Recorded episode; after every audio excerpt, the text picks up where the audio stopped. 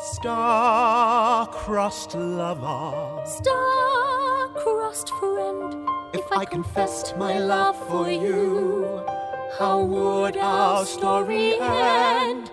Star-crossed lover, Love of my life, could I ever be your husband?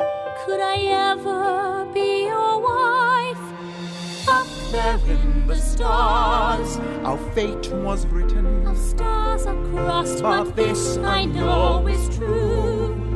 As certain as that star there, burning brightly, so certain is. Wissel voordat ons nou oor die temas van die produksie praat. Vertel net vir ons kortliks waaroor handel Starcross.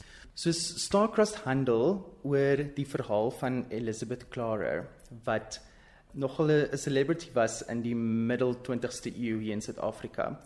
Sy het beweer dat sy saam met 'n alien na 'n ander planeet toe ontvoer is en daar 'n liefdesverhouding met hom begin het en ook 'n 'n kind saam met hom gehad het. Nou, dit is 'n fantasie storie wat sy sy het beweer dat dit waar is. Maar ons skrywer Marcel Meyer het toe gekom met die idee dat ons 'n tweede karakter wil inwerk met die naam van Billy wat 'n Zulu man is hier in die middel 20ste eeu. En ons het toe nog gedink miskien kan mens daai storie van die alien en daai ontvoering dalk inweef met 'n ander liefdesverhaal. En hierdie was in daai tyd 'n taboe liefdesverhaal tussen 'n swart man en 'n wit vrou wat natuurlik nie in die oop lig kon gebeur nie. Ja, dit was die ontugwet. Dit was wel so, ja. So dit is 'n uh, 'n uh, fiksie wat ons nou dit is maar so van 'n hipotese wat ons besluit het om te maak. So ons het besluit dat daai storie dan moet wees dat sy hierdie fantasie opgemaak het omdat dit so traumaties was hierdie soos jy gesê het die ontugwet het sy hierdie storie opgemaak oor 'n kind saam met hierdie alien te hê en om weg te gaan saam met hierdie alien om dit op 'n manier dan in die oop lig bekend te maak. Mm. Maar die die interessante deel is dat sy weet sy was op die huisgenoot voorblad, daar was 'n boek wat sy geskryf het en vreemd dat die Suid-Afrikaanse publiek het haar storie aanvaar en dit is die ironie wat ons probeer wys is dat in daai tyd het hulle dit aanvaar maar die die verhouding tussen 'n wit en 'n swart persoon kon hulle nie vereenselwig nie. Die titel is baie interessant, Starcrossed. Mm. Waarna verwys dit? So die storie begin waar hulle in die hoe, hoe sal ek nou sê die afterlife is en en mekaar daar ontmoet. Billy het eers afgesterwe en toe het Bess later by hom uitgekom. So die idee is om dis die twee wêrelde van die afterlife en dan die lewe op op aarde. En dit is nou waar daai titel vandaan kom. En die ander idee wat ons ook wil tentoonstel is natuurlik die idee dat die storie is so universeel. Weet in baie lande het het so 'n taboe verhouding plaasgevind. Daar's nog steeds in vele lande waar sekere verhoudings natuurlik ook nog taboe beskou word. Storie vertel is baie belangrik en veral die agtergrond wat jy nou vir ons gegee het en dat mense dit opgeslurp het. Hulle het na iemand se storie geluister en kon omtrent nie die verskil tussen die fantasiewêreld, die storie vertel wêreld en die werklikheid uh, skei nie. So Mhm. storie vertel is baie belangrik. Ja, dit is dit is vreeslik belangrik en ek dink dit is hoe mense dinge ook verwerk.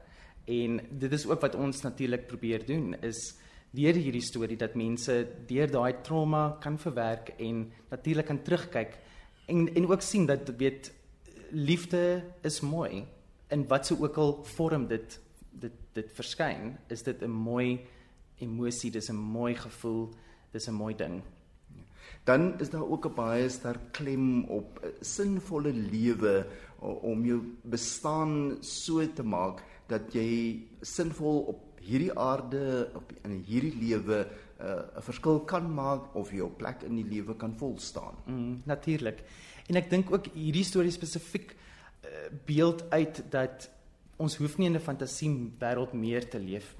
Ons kan nou in realiteit lewe en ons kan in die oop lig sulke verhoudings hê. So ek dink dit is waar die lewenswyse vandag definitief verander het van van toe.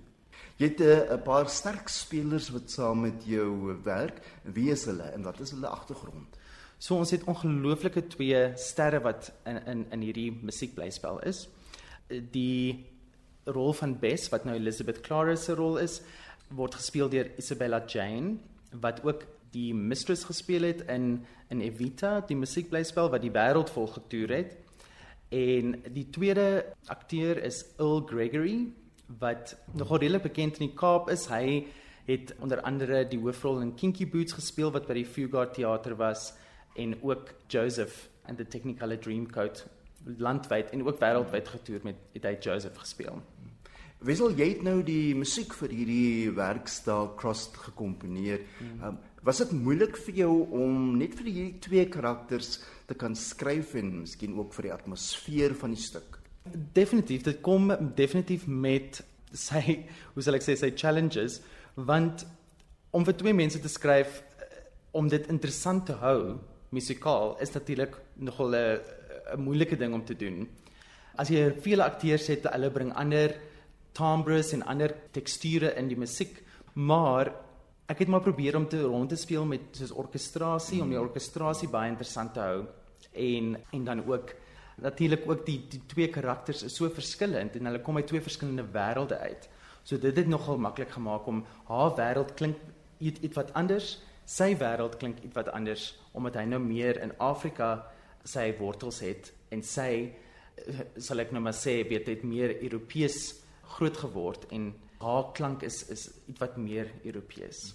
Fred Abrams is die regisseur en daar's ook 'n paar ander sterk name in die bedryf wat saam met julle werk. Mm ja, ons mede-vervaardigers is Abrams se Meyer en ehm um, hulle is natuurlik baie bekend vir veral vir veral vir Shakespeare-werke wat hulle die wêreld rondtoer mm. en weet hulle doen ook die pantomime daar in die, in die Kaap.